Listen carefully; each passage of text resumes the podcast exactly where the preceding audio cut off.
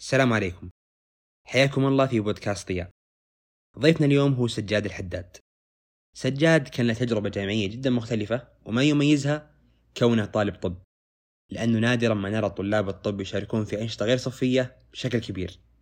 تحدثنا في الحلقة عن أمور عدة من أهمها برنامج تبادل القيادات السعودية الشابة. البرنامج العظيم جدا وللأسف الغير معروف. لذلك حرصنا نوضح الشروط وتحدثنا عن تجربة سجاد في هذا البرنامج. وعن أمور عدة مثل زمالة قمم وغيرها. حلقة مفيدة بإذن الله وإذا كان عندكم تجارب تستحق المشاركة تواصلوا معنا عبر تويتر at ضياء بود أو عبر الإيميل ضياء بود at gmail.com متابعة ممتعة. السلام عليكم. أهلا سجاد. أهلا وسهلا. حياك الله عبد الرحمن. كيف الحال؟ عساك طيب؟ الحمد لله بخير والله. في البداية سعيدين بتواجدك معنا في بودكاست ضياء. الله يحييك.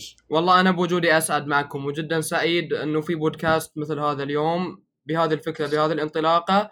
وأنا أنا اللي الشرف بالتواجد معكم بدر عبد الرحمن وجميع الطاقم اللي يشتغل على هذا البودكاست. الله يسلمك ويرفع قدرك. آه، في في البداية إحنا اطلعنا على يعني آه، تجربتك الجامعية وفي عدة محاور مجهزينها إن شاء الله بنناقشها محور محور. لكن في البداية يا ليت تعرفنا بنفسك بشكل عام من هو سجاد الحداد؟ أول شيء حاب أجدد شكري مثل ما قلت للبودكاست وجميع الطاقم اللي شغال عليه. آه، لعلي أجد مناسبة بين هذا السؤال من هو سجاد وبين موضوع الحلقة اليوم. آه، لأنه هذا السؤال كان أول سؤال انسالته في المرحلة الجامعية بسنة 2015 لما كنت تقدمت لدراسة الطب في كليه الطب بجامعة الملك فيصل. كانت مقابلة شخصية للقبول في التخصص وكان موجود فيها عميد الجامعة عميد القبول والتسجيل آه، وعميد الكلية. في ذاك الوقت لما سألني عميد الجامعة منو سجاد حرفيا ما كان عندي جواب لهذا السؤال وأتوقع أن كثير منا ما عنده جواب لهذا السؤال ولعل اليوم يمثل أصعب الأسئلة في المقابلات الشخصية. آه، صحيح. وحرفيا يعني هل سجاد هو أولوياته أو سجاد هو إنجازاته أو سجاد هو التحديات اللي مر فيها أو هو الظروف اللي كانت تحيط فيه في تلك الفترة. تسارعت الأفكار في دماغي وما كنت أعرف كيف أقدر أجاوب هذا السؤال. في مقابلة هي تعد من أهم المقابلات للحصول على التخصص اللي طالما طمحت له. وأنتم تعرفون ما يشغل تلك المرحلة من تحديات كثيرة. اختبار القدرات القبول الجامعي النسب النسبة الموزونة آه، تحليل الدم والمقابلة الشخصية. كثير من الأشياء كانت تدور في فترة جدا قصيرة. لعل عقل طالب متخرج من الثانوية ما يعرف عن نفسه الكثير لن يستوعب كل هذا المقدار من المعلومات وكل هذا الكم الهائل من الضغط. لذلك في ذاك اليوم قررت إني ألجأ للطريقة التقليدية اللي كلنا نستعملها طبيعي إن الواحد بيعرف نفسه بالمدرسة اللي تخرج منها. كانت مدرسة الملك فهد الثانوية آه، وذكرت النسبة الفلانية اللي أنا حصلت عليها. هذا كان تعريف سجاد لنفسه في ذيك اللحظة. ولكن فعلا ظل السؤال يشغلني طوال تلك المرحلة. منو سجاد؟ وكيف أقدر أعرف منو هو سجاد؟ وأي واحد منا كيف ممكن يتعرف منو هو بالضبط؟ خلال التجربة الجامعية كنت أتقلب سواء في السلك الأكاديمي نفسه مما يحتويه من مسارات بحثية تطوعية أو كمنهج علمي أو آه، من خلال الأنشطة اللاأكاديمية الثانية. وفي كل نشاط كانت تتغير مفاهيم سجاد عن نفسه. يتغير تصوره عن تعريف سجاد شنو بالضبط. إلى أن وصلت إلى اليوم اللي استوعبت فيه أن تعريف الإنسان بمجرد تخصص جامعي حصل عليه هو تعريف جدا ناقص. اليوم أعتقد أن ال... ال... ال- الوقت صار يستوعب أكثر من مجرد تخصص وأكثر من مجرد, هواية إحنا نعتمد عليها أو أكثر من مجرد شغلة واحدة إحنا نمارسها في حياتنا اليومية. اليوم الصندوق صار أكبر والتعريف صار مجموعة من التعريفات يقدر الواحد يعرف فيها نفسه. كل فرصة كل تحدي كل أولوية تغيرت أن سجاد كانت تضيف تعريف جديد إلى قائمة التعاريف اللي عرف فيها نفسه. فإذا بتسألني اليوم يا عبد الرحمن منو سجاد؟ بقول أنه سجاد هو الشخص اللي يخوض تجربة البودكاست لأول مرة من خلال بودكاست ضياء في الساعة الثامنة والربع بتوقيت السعودية. يسأل سؤال. عظيم. منو سجاد. فيثرثر ببعض الكلام اللي قد يظن أنه يلهم بعض الشباب في هذه الفئة العمرية. فيقول في جواب السؤال أن سجاد طالب طب وجراحه هو حاليا طبيب امتياز تخرج من جامعة الملك فيصل بمرتبة الشرف الثانية آه، بتقدير ممتاز. آه، رحلته في المرحلة الجامعية مر خلالها بمجموعة كبيرة من التحديات مجموعة كبيرة من العقبات مجموعة كبيرة من الأمور اللي ما ظن أنه راح يقدر يتجاوزها. شكلت في مجموعها مجموعة من الإنجازات آه، يستطيع لعل يذكر بعضها الآن. في محاولة مني لإلهام بعض الشباب وتبيين أن المرحلة الجامعية هذه تستوعب الكثير أكثر مما قد نتصور. خلال المرحلة الجامعية طبعا كثير يظن أن الطب هو تخصص مليء بفناجين القهوة والكتب الثقيلة اللي نقرأ فيها كثير ولكن نحفظ قليل بالنهاية. ولكن لا إيه؟ أنا حرفيا شفت في الطب فرصة لتوسعة النشاط اللي أنا كنت أعملها قبل الجامعة. الطب فتح لي المجال التطوعي فتح لي المجال البحثي اللي خضت من خلال هذين المجالين كثير من التجارب ولكن في واقعها لم تكن مشبعة بالقدر الكافي وكان الصندوق زي ما ذكرت يستوعب المزيد من التجارب. وقتها قررت إني أشارك في تجارب مختلفة فبدأت أتعرف على البرامج اللي توفر من خلال فرص خارج فالتحقت لعلي ببرنامج التبادل الطلابي آه، الثقافي السعودي الأمريكي للقيادات الشابة. التحقت في آه، برنامج قمم للقيادات الواعدة أيضا أخذت تدريب اختياري في آه، مركز صحي الجفر بالاحساء وأيضا التحق ببعض البرامج مع الأمم المتحدة منها زيارة لمنتدى الشباب العربي في دولة تونس. حصلت خلال هذه المرحلة على مجموعة من الجوائز أهمها جائزة أفضل مقترح لمشروع صحي في برنامج التبادل آه، الطلابي آه، اللي كان في أمريكا زي ما ذكرت لكم. وأيضا اشتغلت على مجموعة من الأبحاث بين مقترح بحثي وورقة بحثية وعرض تقديمي لبحوث علمية. واليوم عظيم. هذه التجارب شكلت التعريف الأخير لسجاد اللي هو الآن في صدد إضافة مجموعة من التعاريف الأخرى له. أتمنى إنها تجربة تكون ملهمة لجميع الطلاب وأعتذر إني أخذت كثير من الوقت في التعريف عن نفسي. عظيم عظيم عظيم يا سجاد. أه ونفس ما قلت لك آه، التجارب هذه آه، فعلا إحنا لاحظناها. ودي أكد على على نقطة أنت ذكرتها من شوية اللي هو تصور تصور الأغلب عن طلاب الطب. يعني أنا أقوله شخصيا وقد أكون غلطان في هذه النقطة لكن هذا تصوري عن طالب الطب آه، وهو وهو إنهم مضغوطين ووقت فراغهم جدا محدود. عشان كذا نادرا ما أرى مشاركة طالب طب في أنشطة أخرى. يعني غالبا طالب الطب يا الله يخلص آه، دراسته ومضغوطين أغلبهم. فأنا نادرا ما أرى أن طالب طب مشارك في أنشطة مختلفة ومتنوعة. فأنت كنت مختلف في هذه الناحية فهذا اللي اللي شدنا فودنا الآن ناخذ المحاور محور محور. نبدأ في تجربتك كمتدرب في مركز صحي الجفر أو مستشفى الجفر. إي نعم. آه زي ما نعرف ان ان طلاب الطب عندهم سنة الامتياز. اللي هو يتنقل بين بين بين التخصصات المختلفة جراحة وباطنيه وهكذا فأغلب أو أو جميع طلاب الطب عندهم فرصة إنهم يطبقون في في في المستشفى يعني وهي فرصة متاحة للجميع فنادرا ما ما نرى طالب طب يحصل على فرصة تدريبية أخرى في مركز صحي أو مستشفى أو يعني مجال عمل صحي فأنت حصلت على هذه الفرصة في مستشفى الجفر أو مركز صحي الجفر فحدثنا عنها. آه إي نعم حبيبي عبد الرحمن.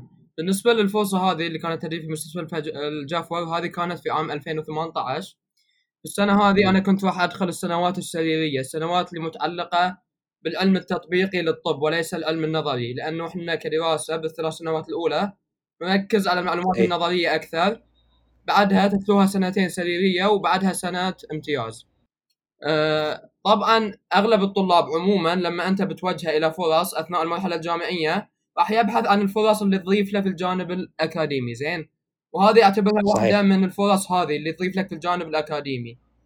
على أي مستوى راح تضيف لي يا عبد الرحمن أو يا بدر؟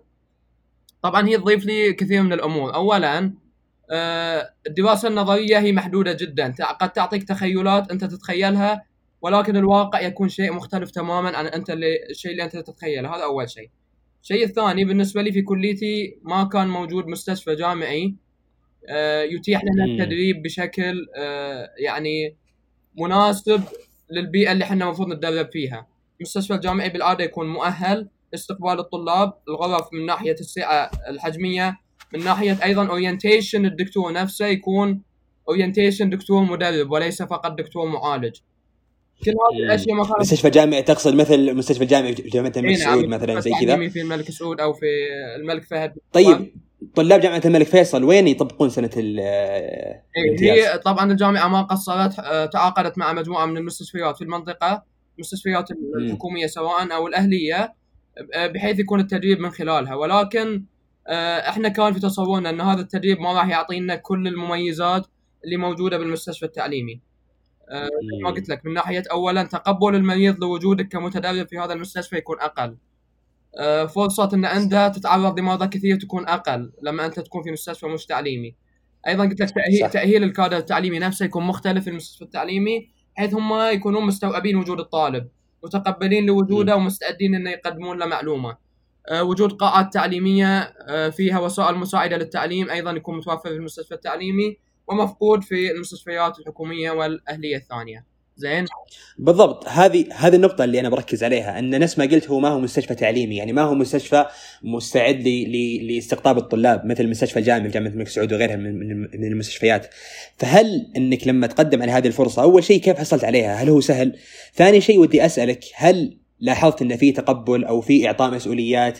يعني هل في اعتماد على طالب الطب في في تلك المستشفيات؟ خصوصا أنه ما هو مستشفى تعليمي نفس ما ذكرت. جميل. آه، قبل الإجابة على سؤالك أحب أثير نقطة هنا لو تلاحظون أني ذكرت أنه كان في مشكلة وحنا كنا نحلها من خلال اللجوء للتدريب هذا أو في نقص وحنا نحاول نعوضه وهذه رسالة م. لكل طالب جامعي طبعا أنه أنت لما تلقى نقص موجود في الرحلة التعليمية حقتك لا تنتظر من الكلية أو الجامعة أن هي تسد هذا الفراغ الموجود أنت لابد يكون عندك الرغبة في أنك تسعى وتبحث عن بديل لسد هذا الفراغ وإكمال النقص اللي موجود في رحلتك التعليمية. ما حد حريص عليك قد ما أنت حريص على نفسك. إذا أنت ما حرصت ما حد راح يحرص عليك. طيب. آه بالنسبة للحصول على هذه الفرصة ما كان سهل جدا. طبعا الفرص هذه تفتح في الفترة الصيفية في كثير من المستشفيات والمراكز التعليمية. ففي. وقتي كان موجود تدريب في مستشفى الحدث بالاحساء وأيضا كان موجود التدريب في مستشفى الهيئة الملكية بالجبيل. فبطبيعة الحال أنا تقدمت يكون يكون تدريب تدريب صيفي يا أخوي سجاد. تدريب صيفي اختياري طبعا. أنت تختار التخصص جميل. وتطلب تدريب لمدة شهر في هذا التخصص. فأنا مم. طبعا حالي حال أي طالب عملت سي في مختصر وكذا وقدمته لهذه المستشفيات. آه، فوجئت طبعا بعد أسبوعين أو ثلاثة إني أخذت رفض من كلتا المستشفيين. ودائما طبعا الطلاب في محيطي يشوفوا اللينكدين أو يشوفوا تويتر أو كذا ويقول لي سجاده أنت في كل فرصة تنقبل. هو طبعا هذا مفهوم خاطئ جدا ليش؟ لأن أنا بتويتر راح أبرز النجاحات حقتي بالعادة ما في مم. إني أذكر الأشياء اللي نفذت منها أو أذكر الأشياء اللي فشلت فيها ف.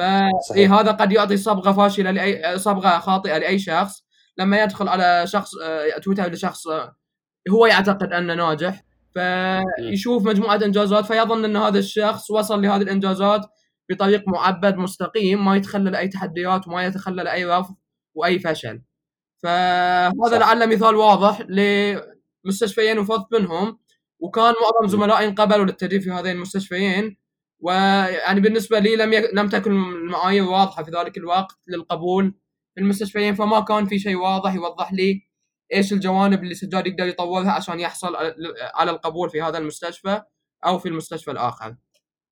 فبالفعل أنا ما توقفت فبديت أستغل النتورك الموجود عندي من أطباء أنا أعرفهم مسبقا فتواصلت معهم ورشحوا لي آه، مركز صحي الجفر بتخصص طب الأسرة. طبعا الشخص اللي رشح لي هو أخوي دكتور حسن الحداد. آه، هو آه،. اخصائي في طب الأسرة.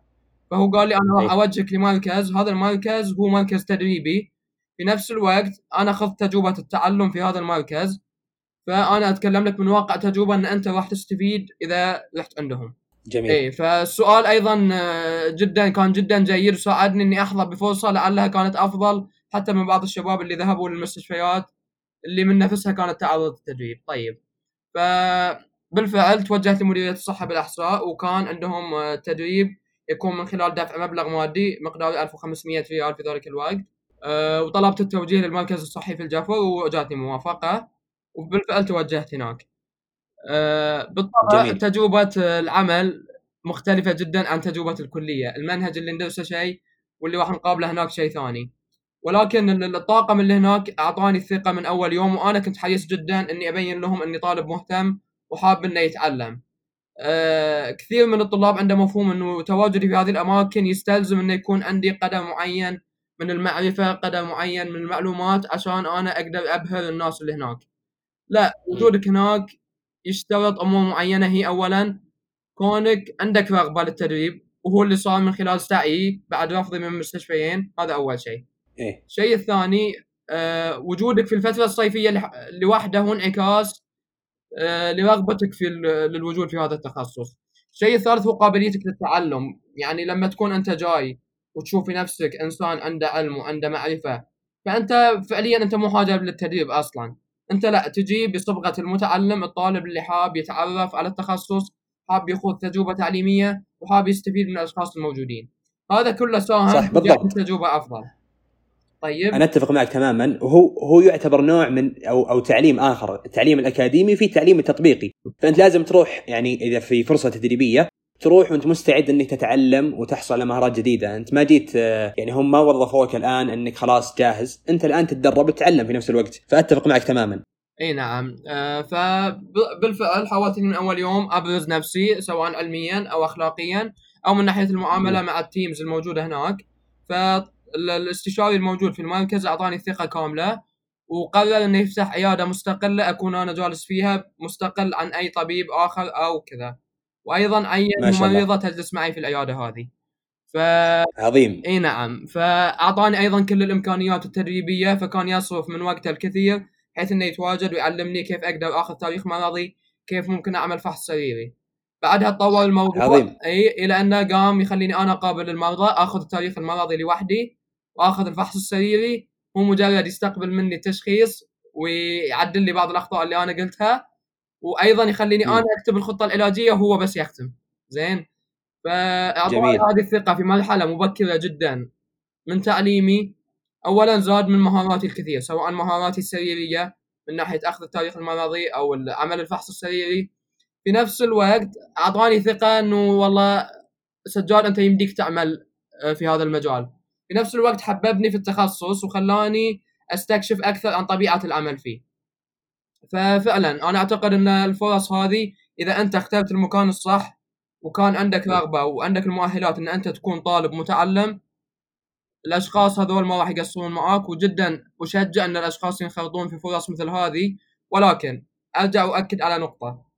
طالب الطب آه عموما في المنهج الأكاديمي الطب يشغل من سنته ثمان شهور تقريبا أو تسع شهور. فحتى لو قررت على شيء يطورك اكاديميا في الصيف لا يكون الصيف كله خليه يكون إيه. جزء من الصيف عشان ما تكون كلك طب عشان تكون إنسان عندك من الإنجازات الطبية واللا طبية اللي تضيف لك على جميع الأصعدة. عظيم عظيم جدا أخوي سجاد، فالفرصة التدريبية هذه أعتقد التحدي انه ما هي يعني ما راح تجيك أنت لازم تروح وتحارب عليها. إي نعم. لأنه لأنه أعتقد الجامعة ما لها أي علاقة في هذا الموضوع، أنت قدم بنفسك كسجاد أو كطالب طب، الجامعة ما لها أي علاقة، يعني ما راح يكون تبع الجامعة أو الجامعة راح توفر لك الفرصه، صحيح؟ إي نعم. جميل جدا. نروح لمحور آخر أخوي سجاد وهو تجربتك في برنامج تبادل القيادات السعودية الشابة التابع للسفارة الأمريكية. نعم. وهذا أحد أحد البرامج اللي أشوف أنها جدا مهمة وجدا جميلة وللأسف ما هو معروف عند أغلب الطلاب فليه تحدثنا عنه. أه بالطبع أنا أتفق معك عبد الرحمن في أهمية هذه الفرصة واللي أنا كنت أشوف أنها مهمة جدا حتى أني سخرت الكثير من وقتي أني أدعو الطلاب للتسجيل فيها والمشاركة فيها. طبعا آه، بالنسبة لي أنا عرفت عن هذه الفرصة من خلال أحد الزملاء في كلية الطب هو أحمد زهير الخرز آه، كان ملتحق بالبرنامج في سنة 2018 فجاء وعمل اورينتيشن عن البرنامج وعن طريقة التسجيل فيه. بعدها قررت الالتحاق بالبرنامج. وقتها ما كان في كثير من المعلومات متوفرة لا في وسائل التواصل الاجتماعي أو حتى في موقع البرنامج عن البرنامج. كان في معلومات محدودة جدا آه، عن موعد التسجيل وطريقته بشكل مختصر جدا. مجموع الأشخاص اللي نقلوا تجربتهم عن هذا البرنامج كانت جدا قليلة. فقررت إني أسجل آه، بطبيعة الحال مثل أي برنامج آخر طلبوا مني سيرة ذاتية. وكانت تركز على محاور ثلاثة هي التميز الأكاديمي. آه، ونعني به التميز سواء في المعدل أو من خلال إنجازات أكاديمية أخرى مثل البحوث العلمية أو جوائز التفوق عموما. أيضا كان يركز على الجانب الثاني وهو المسؤولية المجتمعية. اللي تتمثل في التطوع أو المبادرات الشخصية اللي يقوم فيها الإنسان آه، لخدمة المجتمع سواء كانت في التخصصات الصحية أو غيرها. طيب حلو. الشيء الثالث كان يركز على التطوير الذاتي وهو حرصك في الانضمام للورش ال- العمل أو الدورات التدريبية آه، بحيث إن أنت تطور. من نفسك وتجعل من نفسك إنسان أفضل. وجود هذه الثلاث مقومات في السي في كان عامل مهم جدا للقبول في البرنامج، هذا الشيء الأول، وما أتوقع انه شيء مستحيل، بالعكس هو شيء متوفر لكل طالب سواء في المجالات الصحية أو غيرها، اليوم التطوع مفتوح في كل مكان وفي كل وقت.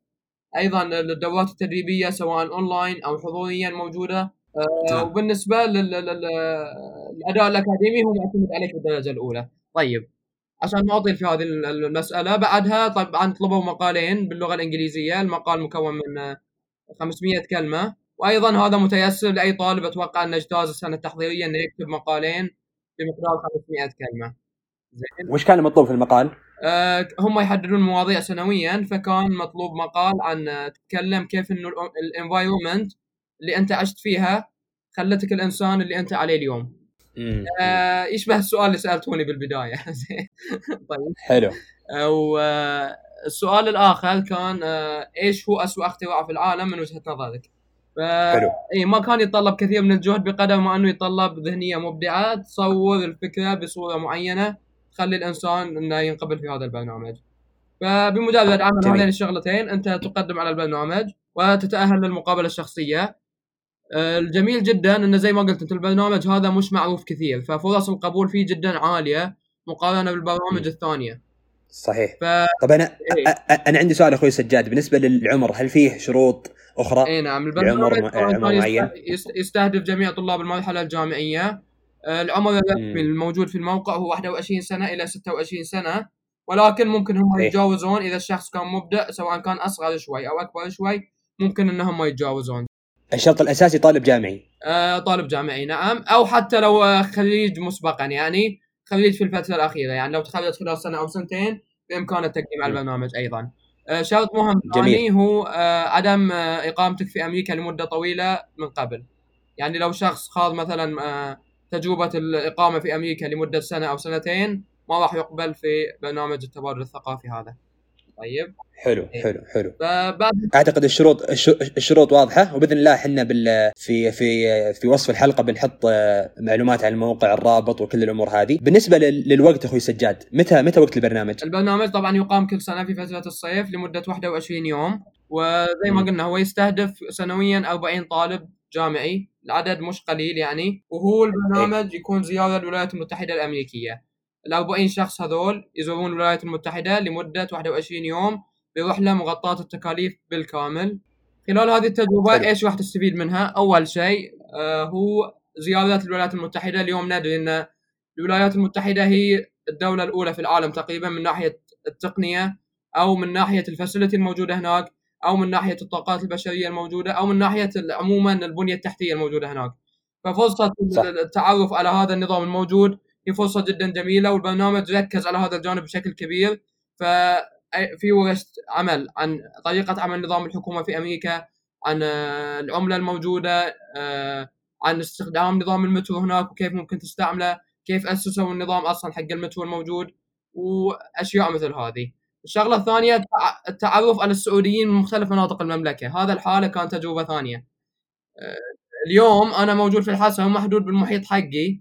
وأظن إنه خلاص هذا الناس الموجودة يعني بالعالم. ولكن لما تطلع هناك شوف إن إحنا ضمن منطقة جغرافية محدودة يعني هي المملكة العربية السعودية بالنهاية. ولكن بالرغم من وجودنا في هذه المنطقة الجغرافية كل واحد منا يحمل مجموعة مختلفة جدا سواء من المعتقدات من القيم من الأخلاق آه، من الأولويات. هذا الاختلاف وتقبله والتعرض له في هذا الوقت أو هذه المرحلة من العمر شيء مهم جدا ويبني الكثير في شخصية الواحد منا. فلعل صحيح. أن من أعظم الأسبكت اللي أخذناها من برنامج سايلب طيب بالنسبة بالنسبة ل في مراحل الابتعاث هناك أو مرحلة زيارة ال- الولايات المتحدة وش كان جدولكم؟ هل في كان في زيارات الجامعات؟ وش كان جدولكم اليومي يعني؟ إي نعم البرنامج اليومي طبعا كان مقسم على فترتين الفترة الصباحية والفترة المسائية الفترة الصباحية آه، أول عشرة أيام قضيناها في واشنطن آه، كان الفترة الصباحية هي إيه. فتره التدريب عموما فكنا. خلالها نتلقى مجموعة من ورش العمل زي ما قلت إما تهتم بالقيادة بتطوير الذات اختبارات الشخصية طبعا اختبارات دولية مبنية على نظام مؤسساتي آه، ومعتمدة دوليا آه،. أيضا آه، نعمل على كيفية اعداد مقترح لمشروع راح أتكلم عنه فيما بعد. الفترة المسائيه كانت معظمها تتعلق بزيارة أماكن تاريخية في أمريكا والتعرف على الشعب الأمريكي يعني ننزل إلى الميدان الأمريكي عشان نشوف الشعب كيف يعيش. في نفس الوقت إيش الأشياء الموجودة في أمريكا من فاسيلتي وكذا. تخلل هذا الشيء زيارة لجامعات تخيل هذا الش- تخلل هذا الشيء زيارة لمدارس وأيضا تخلل زيارة لمنظمات تطوعيه خلال هذه الفترة. عظيم. يعني البرنامج ركز على التعرف على الثقافة الأمريكية ما هو زيارة الجامعات أو المجال الأكاديمي أو إي نعم هو كذا يعني. يركز على الجانب ال- الأكاديمي بالتحديد. نعم. جميل جميل جميل. آه طيب آه، أخوي سجاد بالنسبة للتخصصات هل البرنامج يعني يطلب تخصصات معينة؟ آه لا طبعا. البرنامج يستهدف جميع الطلاب زي ما قلت من مختلف التخصصات. آه. طبعا زي ما قلت هو له ثيم سنوي. السنة الماضية كان ال theme healthy lifestyle strong communities فعموما البرنامج كان يستهدف الطابع الصحي. مع ذلك كان موجود طلاب من مختلف التخصصات الهندسية الإدارية والطبية عموما. السنة هذه. كان الثيم اللي هو STEAM science engineering mathematics و art السنة هذه هو 2020 إيه شمل كل التخصصات تقريبا بمختلف آه، الفروع حقتها. فانعكاس هذا ال- ال- الثيم على البرنامج مش الانعكاس اللي أنت تتصوره بحيث إنه مثلا العام كان صحي معناته كل الزيارات صحية. لا إحنا العام الماضي التقينا برجال أعمال آه، زرنا أماكن مش متعلقة بالصحة عموما تطوع عام. أيضا نفس المشاريع اللي إحنا عملناها في نهاية البرنامج ما كانت كلها متعلقة بالجانب الصحي. عظيم عظيم عظيم. طيب الآن البرنامج نفس اللي فهمته إنه 21 يوم زيارة لل- للولايات المتحدة. طيب بعد هذا ال 21 يوم إذا رجعتوا هنا هل في متطلبات أخرى؟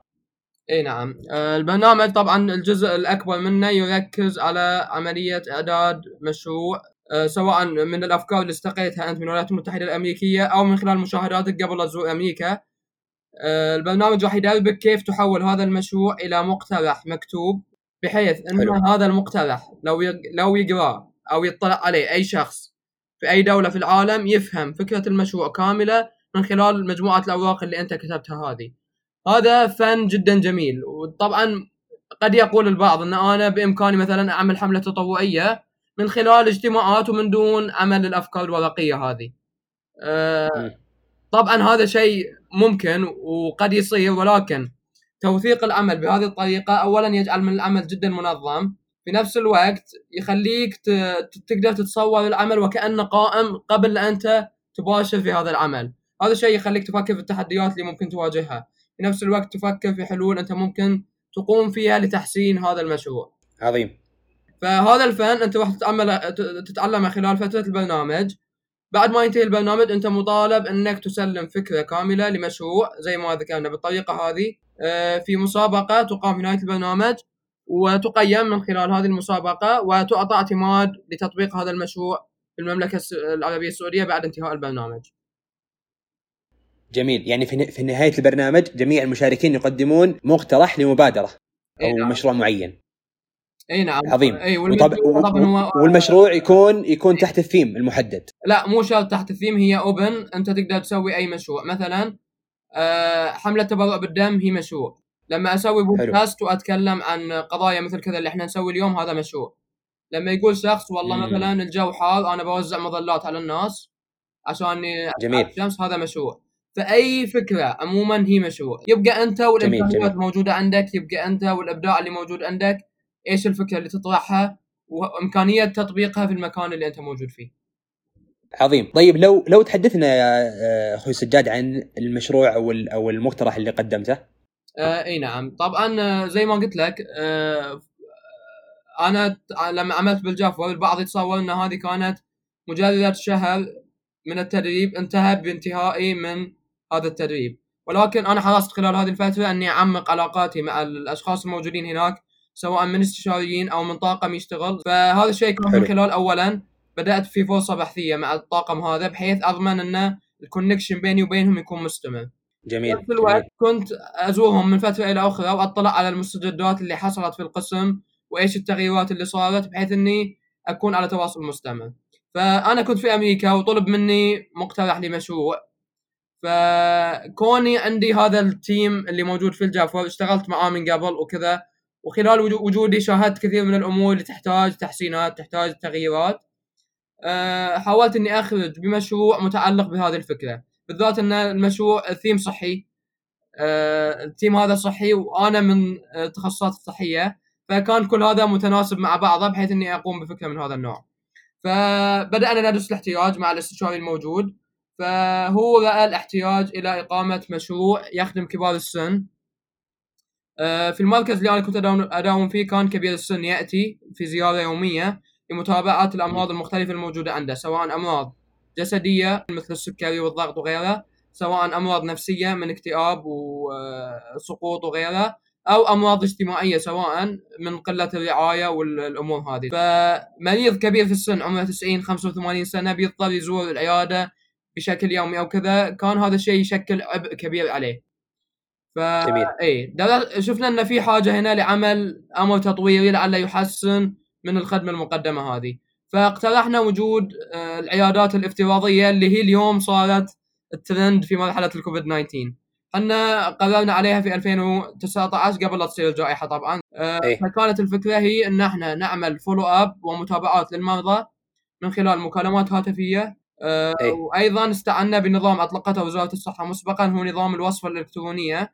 بحيث إني أقدر أوصف وصفه للمريض بنظام إلكتروني توصل له عن طريق رسالة SMS ويقدر يصرف الدواء من خلال أي صيدلية موجودة بالقريب من المنزل. فقدمنا المقترح لعمل هذا المشروع آه، ويعني درسنا كل الاحتياجات الممكنة آه، تواصلت مع جميع الجهات اللي نحتاج موافقة منها لعمل المشروع آه، أخذنا كل الموافقات وأثناء وجودي في أمريكا يعني حتى قبل لا أرجع قدرنا نحصل جميع الموافقات. آه، وفعلا الله. قدمت المشروع ولله الحمد يعني فاز بالمركز الأول من ضمن 22 مشروع آه، قدم خلال البرنامج في الفئة الصحية.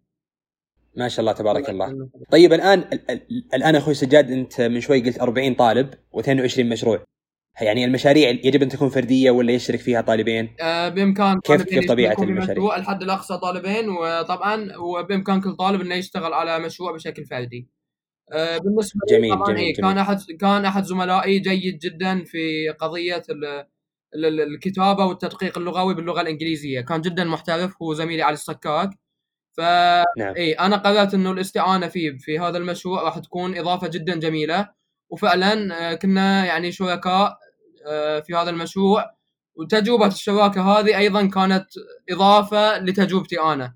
لأنه أنت لما تشتغل مع شخص راح تتعلم الكثير من خلال علاقة الشراكه هذه الموجودة بينكم. فعلا فعلا فعلا. آه عظيم جدا أخوي سجاد. آه أتمنى أن وضحنا آه أغلب النقاط في هذا البرنامج طبعا إن شاء الله بيكون نفس ما قلت لكم في في وصف الحلقة بيكون معلومات عن البرنامج ورابط التقديم وغيرها. وأيضا حساب أخوي سجاد بإذن الله اللي عنده أسئلة أو أي أي- أو أو أي يعني استفسار عن هذا البرنامج بإذن الله ما راح يقصر معكم. وأتوقع المحور هذا أعطيناه وقت جدا طويل. نعم. وبإذن الله أن غطينا أغلب النقاط. طبعا في محاور أخرى أخرى أخوي سجاد أتمنى أن نمر عليها بشكل سريع نعم. عشان وقت الحلقة. آه أنت يعني بجانب البرنامج تبادل القيادات الش- الشبابية شاركت في في برامج أخرى منها زمالة آه، قمم ومنتدى الشباب العربي المقام في دولة تونس. يا ريت تعطينا نبذة عنها مختصرة لو لو تكرمت. آه إي نعم آه برنامج بالنسبة لبرنامج قمم طبعا برنامج قمم هو برنامج أتوقع أنه معروف على المستوى المحلي بشكل كبير جدا لأنه صحيح. إيه العملية التسويقية اللي صايرة للبرنامج جدا عظيمة. في نفس الوقت ال- ال- ال- الفريق القائم على البرنامج حرص إنه يعطي هذه الصبغة للبرنامج بحيث إنه يزيد التنافسية عليه. زيادة التنافسية تخلي حصولك على الفرصة في البرنامج إنجاز. مجرد حصولك عليها هو إنجاز. فعلا. طيب. فعلا. مجرد قبولك بحد ذاته إنجاز. طيب عشان. نختصر عن البرنامج. هو آه، برنامج يقام سنويا آه، في مدينة الرياض. يتقدم للبرنامج سنويا 17000 شخص تخيل حجم المنافسة ويتأهل للمقابلة أيوة. الشخصية في آه، 150 شخص. يتم تصفية ال مم. 150 شخص من ضمن معايير دقيقة جدا ليصل في النهاية 50 شخص للمرحلة النهائية. آه، بالنسبة لي عظيم. إي نعم. تقدمت في عام 2019 آه، للبرنامج وكنت جدا متفائل آه، بالقبول فيه. آه، فاجتزت المرحلة الأولى هي مرحلة التصفية من خلال السيرة الذاتية. اللي كانت معاييرها مشابهة جدا للمعايير الموجودة في برنامج التبادل الطلابي. ما تختلف كثير. عنها. اجتزت هذه المرحلة ووصلت لمرحلة المقابلات وكانت المقابلات تقام في مدينة الرياض. والقائم على المقابلات هم مدراء تنفيذيين من شركات كبرى في السعودية. فمجرد خوض المقابلة مع هؤلاء الأشخاص كانت تجربة جدا عظيمة.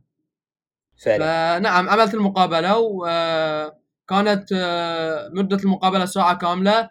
المقابلة نفسها كانت جلسة إرشاد أكثر من إنها مقابلة. يعني كانت تجربة جدا جميلة.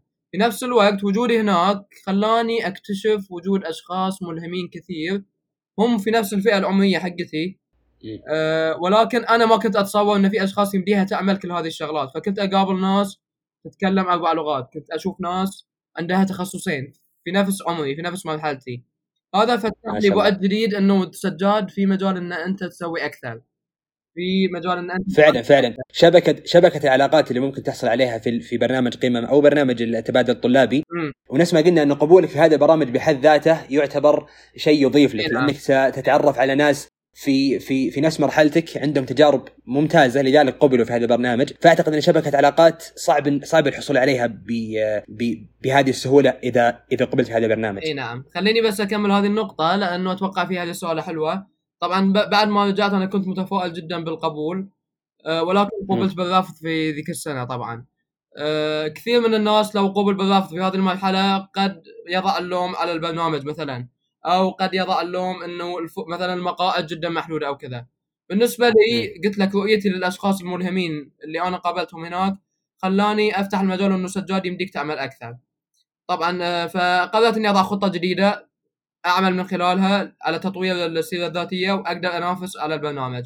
فأخذت ال CV حقي فحطيته قدامي. بديت أشوف ال gaps اللي موجودة في في ال CV حق سجاد وين. مثلا سجاد في المجال البحثي ما عنده إلا بحث واحد أو بحثين. أحتاج أشتغل أكثر على العملية البحثية. سجاد في جانب التطوع يحتاج مثلا تطوع أكثر. فمن خلال هذه الطريقة بنيت خطة عمل بحيث إني خلال سنة كاملة أعمل على سد الفراغات الموجودة في السي في وأيضا إيه. خلال هذه التجارب زدت مهاراتي آه، اللي كانت موجودة مسبقا قدمت السنة هذه والحمد لله عملت المقابلات عن بعد بسبب جائحة كورونا ويعني بعد العمل هذا والتعب يعني ابدا ما كان عندي شك في عملية القبول فعلا تاهلت إيه. قبول بالبرنامج وخضنا التجربة السنة هذه عن بعد بحكم الجائحة أه ولكن كون الفريق اللي يعمل على البرنامج فريق محترف جدا قدر أنه يحول التجربة الافتراضية إلى تجربة مختلفة كليا عن أي تجربة أنت تخوضها في برنامج يقام عن بعد. جميل. إيه. فحديثا عن التجربة آه، بشكل ملخص جدا. التجربة طبعا البرنامج يوفر لك آه، تدريب قيادي على يد مختصين. هذا التدريب يقدم بالعادة لمدراء تنفيذيين. نفس الكونتنت والمحتوى هذا يقدم لمدير شركات عال... لمدراء شركات عالمية. اسمائها معروفة عندنا كلنا. ويقدم لطالب إيه. في المرحلة الجامعية في وقت جدا مبكر. فتخيل الإضافة إيه. اللي يضيف له. هذا الشيء الأول. الشيء الثاني آه، يوفر والمدربين إي نعم. أخوي سجاد هم هم مدراء تنفيذيين في شركات رائدة صحيح؟ إي نعم مدراء تنفيذيين وأيضا بعض الشركات المتخصصة في مجال التدريب آه، القيادي. جميل جميل جميل. شركة أبيركن هي اللي قدمت لنا التدريب في هذه الفرصة. طيب أيضا كان طيب أنا عندي سؤال أخوي السجاد نعم بالنسبة. للبرنامج هذا برنامج قمم أعتقد يسمى زمالة أي إنه البرنامج لا ينتهي بعد انتهاء البرن... بعد انتهاء الفترة التدريبية نعم. هذه صحيح ممكن توضح النقطة هذه حلو آه طيب هذه النقطة طبعا متعلقة بكثير بالطريقة اللي صمم فيها البرنامج. أولا آه البرنامج هو مستمر سنويا وسنويا يقبل 50 شخص. فإحنا لما نتصور على بعد 10 أو 15 سنة إيه؟ نتوقع وجود 750 شخص تخرج من برنامج قمم. كل هذول الأشخاص في نتورك يجمعهم هو قمم. في نفس الوقت هم يتوقعون إن هؤلاء الأشخاص هم الأفضل من بين الموجودين من هذه الفئة العمرية زين فهم يتوقعون إن هذول راح يكونون في مناصب قيادية على مستوى المملكة فهذه فرصة جدا عظيمة لأي طالب بكرة مثلا سجاد شارك في قمم وفلان الثاني مدير بنك الرياض شارك في قمم فلان الثاني مدير مستشفى مثلا الملك فيصل تخصص فعلا. شارك في قمم. وجود هذا شبكة علاقات خرافية. نعم إيه. هذا الشيء الأول. جميل الشيء جميل. الثاني البرنامج كان يوفر لقاء يومي مع مدراء تنفيذيين للشركات وهذا اللقاء يستمر حتى بعد البرنامج. فإحنا كنا نأخذ وسائل التواصل لهؤلاء المدراء نتواصل معهم بعد البرنامج. أيضا كان يوفر مجموعة من الجلسات الإرشادية المتخصصة آه، بحيث تقابل شخص سواء مدير شركة أو مدير مستشفى أو مدير هيئة حتى ناس بمرتبة وزير كنا نقابلهم. أنت تخيل أنت جامعي تقابل واحد بمرتبة وزير.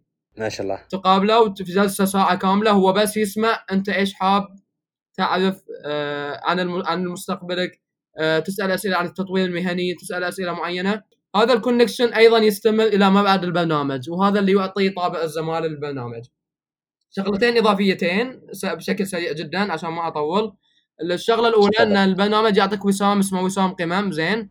وهذا الوسام إيه. يوضع على صفحتهم في الانترنت والصفحة هذه متاحة وترسل لجميع المدراء التنفيذيين حيث كلهم يقدرون يطلعون على السي في حقك اللي عمل عن طريق قمم أصلا عظيم آه، في نفس الوقت في اجتماعات سنوية راح تقام بإذن الله تجمع هؤلاء الخريجين جميع في مكان واحد مع المدراء التنفيذيين بحيث تعزز من قبولهم في الفرص الوظيفية والأمور الثانية. طيب. عظيم جدا. هذا بالنسبة. أت- أتمنى أن اختصرنا آه، البرنامج يعني البرنامج جدا عظيم ولكن الوقت ما يسعفنا الآن. اليك نروح أخوي سجاد إلى منتدى الشباب العربي المقام في دوله تونس اليك توضح لنا ما هو المنتدى وش وش أهدافه ماذا يقام يعني ماذا يقام في هذا المنتدى وأيضا كيف حصلت على الفرصة هذه؟ بشكل مختصر الله يعافيك. إي نعم. المنتدى طبعا آه، بدأ في عام 2018 آه، في دولة المغرب. اسستها ال- الامم المتحدة لأنه الآن نظرة العالم عموما سواء في المملكة أو خارج المملكة أنه فئة الشباب لابد أن تولى اهتمام خاص ولابد أن صوت الشباب صوت الشباب يصعد إلى السطح أكثر من أول. زين؟ فايمانا. منهم بهذه القضية هم عملوا هذا المنتدى السنوي بحيث يستمعون إلى مطالب الشباب إيش الشباب حاب يعمل سواء من مواثيق إيش الحقوق اللي حاب إنه يكتسبها من العالم. وإيش المشاريع اللي حاب ينفذها في دوله. فهم كانوا يستقطبوا أربعة من كل دولة تقريبا. آه، أحد الأشخاص طبعا آه، نصحني آه، آه، رشحني لهذه الفرصة زين. فهو إيه. إيه رشحني لهذه الفرصة عند القائمين على البرنامج. فهم أرسلوا لي القبول وقبلت هذه الدعوة. آه، كانت تجربة جدا عظيمة. اولا هي كانت أول سفرة أسافرها لوحدي. ف بس ما اقطع كلامك أخوي سجاد. اللي, اللي فهمت منك الآن انه ما هو ما يعني ما في ما في تقديم أو كذا هو فقط ترشيح تجيك دعوة آه، لحضور المنتدى. في تقديم موجود آه، طبعا إي بس قلت لك أنا أخذتها آه، بتجاوز طبعا إنه. آه، تم ترشيحي وبعدها طلب مني التقديم فقدمت ولكن التقديم يفتح سنويا. آه، معاييرهم مش آه، سهلة للأمانة ولكن وش, وش الشروط آه، إذا ممكن يعني؟ آه، هم طالبين شخص يكون له اهتمام بقضايا الشباب عموما وعمل أمور متعلقة بهذا الجانب. هذا الشيء الأول. إيه. ثانيا طالبين شخص يكون له تأثير جدا واسع على محيطه سواء من خلال التواصل الاجتماعي أو من خلال المبادرات اللي هو قام فيها. أثناء تقديمي أنا ما كنت متوقع القبول. زين. مع ذلك هو جاني. لذلك أنا بنصح أي شخص إنه يقدم على أي فرصة حتى لو كان يظن إنه ما راح يقبل فيها. ف تمام. إيه قبلت كانت تجربة جدا ثرية الوجود مع 200 شخص من 22 دولة عربية في تحت سقف واحد في دولة تونس كانت تجربة جدا ثرية. آه، اولا لقاء مع صناع القرار في العالم. آه، كبراء السفراء ورجال الأعمال وكذا والاحتكاك فيهم. في نفس الوقت ال- التعرض للمواثيق الدولية والمصطلحات المتعلقة فيها كله يضيف للتجربة حقت الطالب الجامعي. آه، ولي شخصيا سجاد على وجه الخصوص. عظيم جدا أخوي آه، أخوي سجاد. طيب آه، في شيء حابب تضيفه بالنسبة لمنتدى الشباب؟ ولا آه، الأمور طبعاً، كافيه اشتغلنا أثناء تواجدنا على مشروع كان هو تطبيق بمسمى شبابت. فكنا نستهدف. إن نضع فيه محتوى يستهدف الشباب العربي عموما ويشكل قاعدة لجمع الشباب. أيضا اشتغل اشتغلنا المشروع المشروع نعم. متطلب؟ متطلب منهم؟ آه نعم هو كان مقترح منا زين وهم اشتغلوا ويانا عليه. والآن جاري العمل على التطبيق اللي يخرج إلى أرض الواقع إن شاء الله في القريب بإذن الله. جميل. جميل. آه طيب. آه طبعا ال- البرامج اللي هو زمالة قمم منتدى الشباب العربي جدا عظيمة لكن ممكن الوقت ما أسعفنا. أتمنى أن غطيناها بشكل جيد. آه نروح نروح أخوي سجاد إلى محور آخر. طبعا نفس ما شفنا الآن أنت لك مشاركة في برنامج التبادل الثقافي تابع للسفارة الامريكية لك تجربة في زمالة قمم ولك تجربة في منتدى الشباب العربي.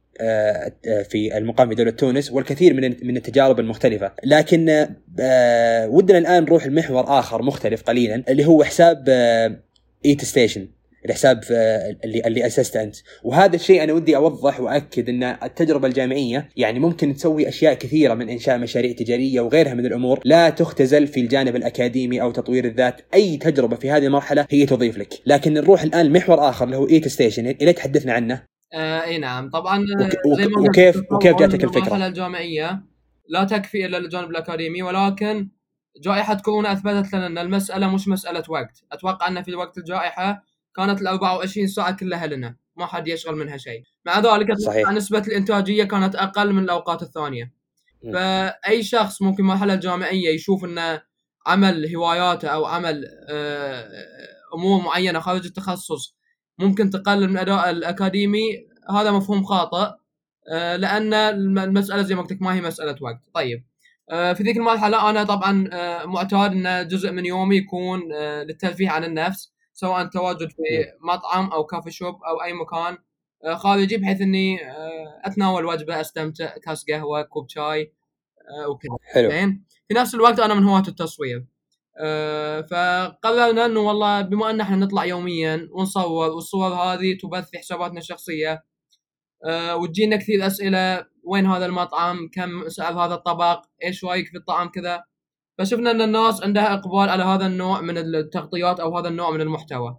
فقررنا إنه ليش ما ننشئ حساب خاص؟ إحنا ننزل فيه هذه التغطيات. آه، ننزل فيه هذا المحتوى. فتعاونت مع أحد الزملاء هو علي البقشي وكان أيضا يتواجد معي خلال هذه الطلعات اليومية. بحيث ان إحنا نبدأ نصور المحتوى نكتب تعليق عليه وننزله. بدأ المشروع صغير ويعني كنا نشوفه هوايه مجرد إن إحنا ننزل نجاوب على هذا السؤال نجاوب على هذا التعليق. مع الوقت بدأ الموضوع يكبر بوست بوستين ثلاثة إلى أن أصبح عندنا اليوم 200 منشور و17 ألف متابع. و ما شاء الله تبارك اليوم الله. الحمد لله رب العالمين. أي مشروع يفتح في منطقة الأحصاء يوجه لنا دعوة لحضور الافتتاح وأيضا صار المشروع اليوم مصدر دخل لي سواء أو لزميلي آه، علي الباقشي.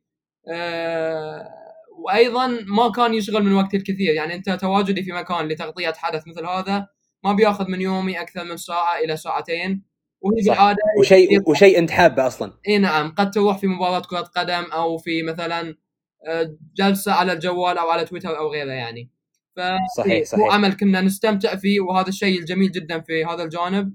في نفس الوقت قلت لك قام يشكل مصدر دخل الله. للنجاح والظهور نعم عسى الله يزيدكم إن شاء الله ويرزقكم من وسع فضله طبعا إن شاء الله ال- الحساب بيكون آه، الرابط في آه، في وصف القناة.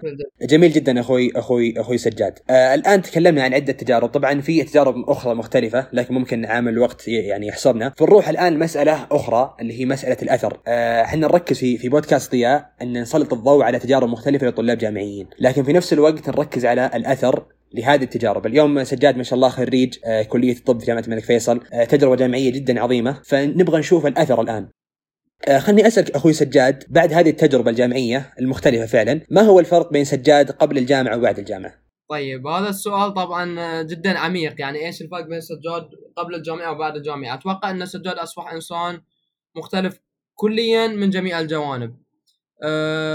التجارب هذه والتعرض لها والتعرض للتحديات والفشل هو اللي يعطي اللذة وليس الإنجاز نفسه، يعني أنا قد أكون مثلا حصلت على مثلا القبول في قمم أو حصلت على الجائزة الفلانية، هذا ما كان يعطي اللذة وما كان يعطي الشعور بالنجاح.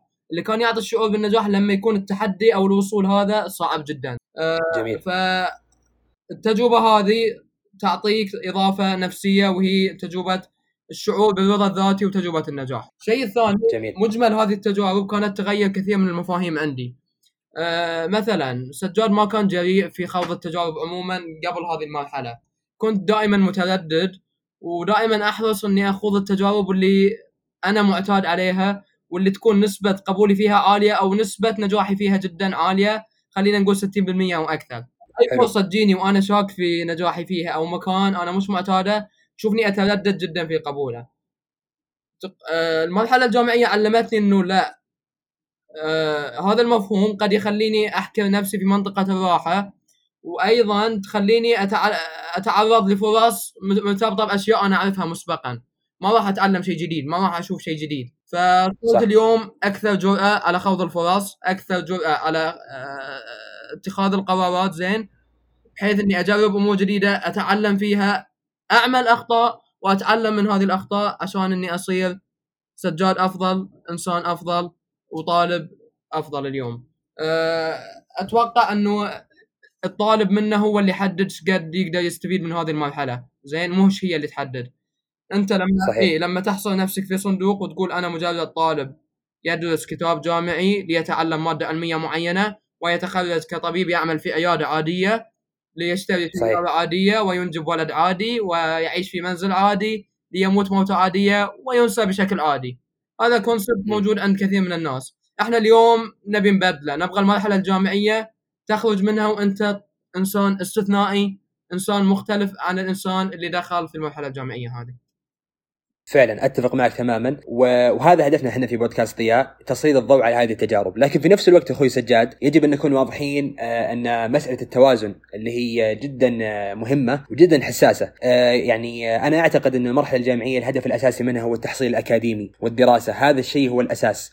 لكن يعني يعني التوازن جدا مهم. فخلني أسألك سؤال ونبغى الصراحة منك إذا إذا تكرمت. هل كان لهذه التجارب المختلفة في طبعا سجاد شارك في برامج اللي ذكرناها وأشياء مختلفة أخرى لكن الوقت لم, لم يسعفنا الآن. آه، يعني أشياء في آه، تابعة للتخصص وأشياء أيضا ممكن ما لها علاقة بالتخصص بش- بشكل دقيق. آه، هل كان لهذه التجارب المختلفة آه، تأثير سلبي عليك من ناحية المعدل أو تأخير في التخرج أم أن التوازن كان شيء يعني آه، في آه، في اليد؟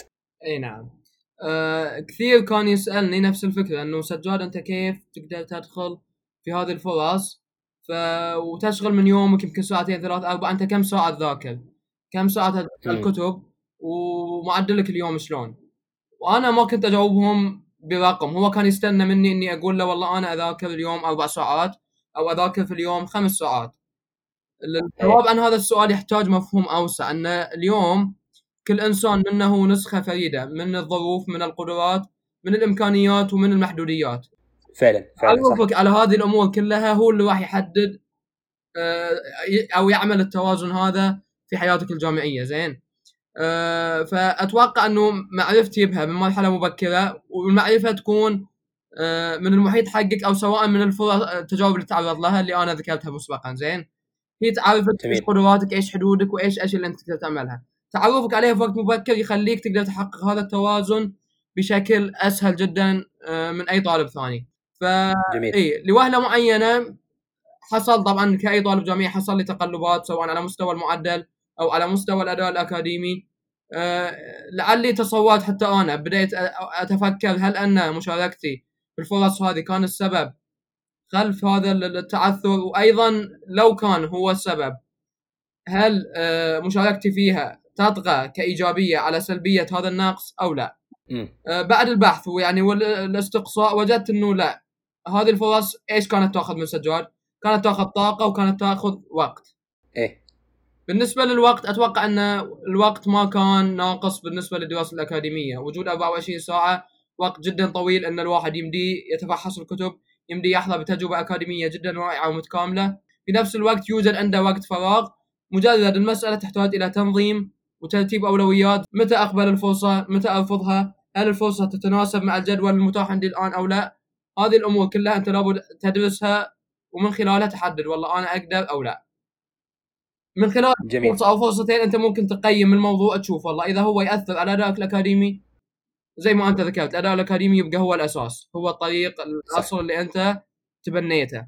وجود هذه الفرص صحيح. هو عامل مهم مساعد إذا أنت كنت تتمكن بالخوض فيه. وهنا نقطة جدا مهمة. كثير من الطلاب يضع نفسه تحت ضغط كبير جدا. إنه محيطي أو أقراني قاعدين يشاركون في فرص. محيطي وأقراني قاعدين يحصلون على أشياء أنا ما قاعد أحصلها. لا تضع نفسك في دائرة اللوم وفي ضغط الحسابات الدقيقة لأن كل إنسان زي ما قلت هو مكون خاص عجيب من الظروف من الإمكانيات من الحدود. جميل. آه، جميل جدا أخوي آه، أخوي سجاد. آه، ونفس ما قلت أنا أتفق معك تماما أن ترتيب الأولويات يعني أنا أعتقد ان التحصيل الأكاديمي والمعدل هو أولوية و... ويجب الشخص انه قبل الإقدام على أي فرصة إنه يشوف ويوازن هل راح هل راح يكون لها تأثير آه، ويرتب أولوياته. آه، فأنا بس أحب أكد مرة أخرى إن هدفنا في بودكاست ضياء هو تسليط الضوء على هذه التجارب. في نفس الوقت إحنا نؤكد ونحرص على أن التحصيل الأكاديمي يكون هو الأولوية، لكن المرحلة الجامعية ممكن أو أو يعني قابلة إنها تكون فيها تجارب آه، جميلة وناجحة وأيضا تحصيل أكاديمي جيد، اليوم سجاد ما شاء الله آه، حاصل على على مرتبة شرف آه، وخريج كلية الطب وأيضا تجارب أخرى جميلة جدا. جميل جدا جميل جدا أخوي سجاد. في الختام ودنا تقدم نصيحة للطلاب وطالبات الجامعات تختم فيها اللقاء. جميل جدا طبعا بالبداية أوجه نصيحة لعموم الأشخاص اللي يسمعون هذا البودكاست كثير من الأشخاص لما يسمع تجربة لشخص معين يحاول أنه يستنسخ هذه التجربة بما هي عليه. الكلمة اللي حاب أوصلها أن استنساخ تجربة شخص آخر هي بداية طريق الفشل. آه، هو. تحجيم لطموحك وتحجيم لقدراتك تحجيم لإمكانياتك. التجارب هذه تذكر بسبيل الإلهام وليس بسبيل الاستنساخ أو سبيل رسم مسار أنت تسلكه بما هو عليه. فهذه النقطة الأولى اللي حاب أوجهها كنصيحة. النقطة جميل. الثانية أتمنى من كل طالب أنه يحذر من آه، ما أسميه خماسية الفشل. أي طالب منا في بداية الجامعة تجي مجموعة من التحديات. أول تحدي هو الخوف من المستقبل. هل أنا راح أجتاز المرحلة الجامعية؟ آه، هل أنا راح أحصل على أكون في المكان المناسب؟ هل أنا فعلا حصلت على الشغف اللي أنا كنت أتمنى لي؟ كل هذه الأسئلة تخلق مجموعة من الضغوط مجموعة من التحديات مجموعة أو مكون من الخوف يخلي الطالب يعيش المرحلة آه، بكواليتي أقل من اللي هي المفروض تكون عليه. الخوف الثاني هو الخوف من الماضي. قد مثلا طالب يتعثر في بداية المرحلة الجامعية في السنة الأولى في السنة الثانية فهو يحمل هم هذا التعثر إلى وقت التخرج. It's never too late كما يقولون يعني زين؟ دائما في مجال للتصحيح في مجال آه لأخذ آه يعني جانب تصحيحي زين؟ أفضل وقت في حياتك هو الآن. تمسكك في الماضي جميل. هو تمسكك في شخص خرج من حياتك. أنت لابد تتمسك باللحظة الحالية تؤمن بنفسك وقدراتك وتبني خطة جديدة. الشيء الثالث هو عدم تقبل الواقع. كثير منا لعل ما يحظى بالفرصة اللي هو حلم فيها سواء من ناحية التخصص من ناحية التجربة أو كذا. هذا الشيء ما يخليك آه مثلا آه تقدم أقل من الشيء اللي أنت تقدر تقدمه. إن لم تعمل ما تحب فأحب ما تعمل. جميل. أيوه. الشيء الرابع هو المقارنة بالآخرين وهذا أتوقع هو التسمم الجامعي. لما أنت تضع في نفسك في دائرة المقارنة مع المحيط آه هذا إيش حصل من فرصة؟ هذا إيش التخصص اللي بيدخله أو كذا هذا الشيء قد يخليك تنحرف عن المسار الرئيسي حقك وهو ذاتك. فأنت تبدأ تفكر في الآخر ما تفكر في نفسك. طيب. اللي بعدها هي الثقة بالنفس. اليوم الطالب آه، المبدع عموما هو بين إفراط وتفريط. أما انه متكبر متعجرف يشوف نفسه أفضل من كل الفرص أو انه متواضع جدا لدرجة انه يحرم نفسه من كثير من الفرص ويكون مهزوز آه، ما في أصعب من الوصول لهدف وأنت إنسان مش واثق من نفسك. تعرف على إمكاناتك تعرف على جوانب النجاح في شخصيتك وانطلق منها وأنت واثق لأي هدف أنت تنشده جميل جدا أخوي سجاد وشكرا على, هذه النصيحة. في الختام آه، نشكرك لتواجدك معنا اليوم. أعتقد أن تجربة سجاد الحداد آه، كطالب طب خصوصا تجربة مختلفة ونوعية. وحرصنا في بودكاست ضياء أن تكون لك حلقة معنا وتشرفنا فيك كثيرا. شاكر لك ومقدر يا أخوي سجاد. ما قصرت؟ الشكر الجزيل لجميع القائمين على البودكاست ولك بالخصوص أخوي عبد الرحمن وأخوي بدر سالم. على إتاحة الفرصة هذه آه، لعل زي ما قلت آه، تعريف هذه الفرص بهذا الشكل الإجمالي جدا صعب آه، أنا ذكرت الكثير عنها من خلال حساباتي الشخصية على شكل ثريد سواء عن آلية التسجيل أو معلومات مصورة على شكل صور أو فيديو أو تقارير عن هذه التجارب عموما بإمكان الأخوة يطلعون عليها وأيضا بإمكانهم التواصل معي من خلال حساباتي الخاصة وأنا بخدمه الجميع إن شاء الله. الله يجزاك خير. طبعا حسابات آه، أو حساب أخوي سجاد بإذن الله بيكون في وصف الحلقة. آه، في أشياء ذكرناها آه، بشكل مختصر ليضيق الوقت. الحمد لله اليوم يعني الآن إحنا كملنا ساعة تقريبا. ففي الختام شكرا سجاد و... وأتمنى أنها تكون حلقة رائعة. شاكر لكم مقدر. شكرا شكرا, شكرا جزيلا. فمان الله فمان الله يا سجاد.